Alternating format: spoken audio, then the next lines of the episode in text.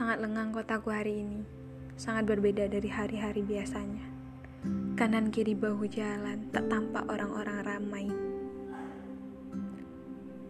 Aku mulai menyadari bahwasanya apalah daya kita sebagai manusia. Ketika ujian dan cobaan datang, yang bisa kita lakukan hanyalah ikhtiar dan berdoa. Pandemi corona menjadi salah satu contoh bahwasanya kekuasaan Tuhan itu sangat luar biasa.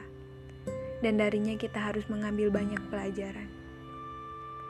Mulai dahulu ketika kita sibuk akan pekerjaan dan kita melupakan urusan di rumah dan keluarga karena pandemi corona, kita bisa merasakan bagaimana kebersamaan sesungguhnya.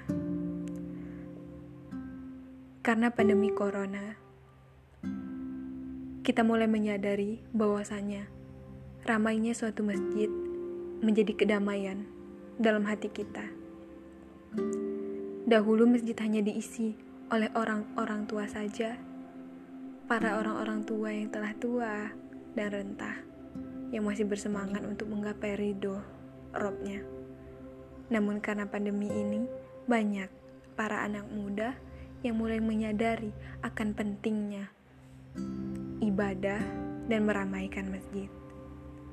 Karena pandemi corona, orang-orang mulai sadar bahwasanya kesehatan itu utama, menjaga kebersihan dan lingkungan juga hal yang sangat penting. Harusnya kita lebih sadar dan juga berbenah diri untuk menyadari kesalahan-kesalahan yang pernah kita lakukan dan memperbaikinya di kemudian hari. Ternyata ada banyak juga orang yang kesulitan karena keadaan ini. Banyak orang yang kehilangan pekerjaan, bahkan susah untuk mencari makan. Alangkah baiknya kita yang memiliki rezeki lebih daripada berfoya-foya, mengumbar harta sana-sini, boros, dan juga membelanjakan hal-hal yang tidak penting. Alangkah baiknya kita untuk membantu mereka menyisihkan sebagian harta untuk para saudara-saudari kita di luar sana.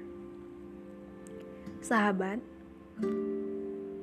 kita memang tidak sempurna, tetapi cobalah untuk selalu berbagi kebaikan, meski hanya sekedar sekilo beras ataupun hanya berapa lembar ribu uang karena semua itu lebih baik daripada kita berdiam diri saja dan tidak peduli akan nasib sesama. Sesungguhnya, Tuhan akan memberikan segala karunia-Nya untuk kita yang mau berjuang dan membantu sesama.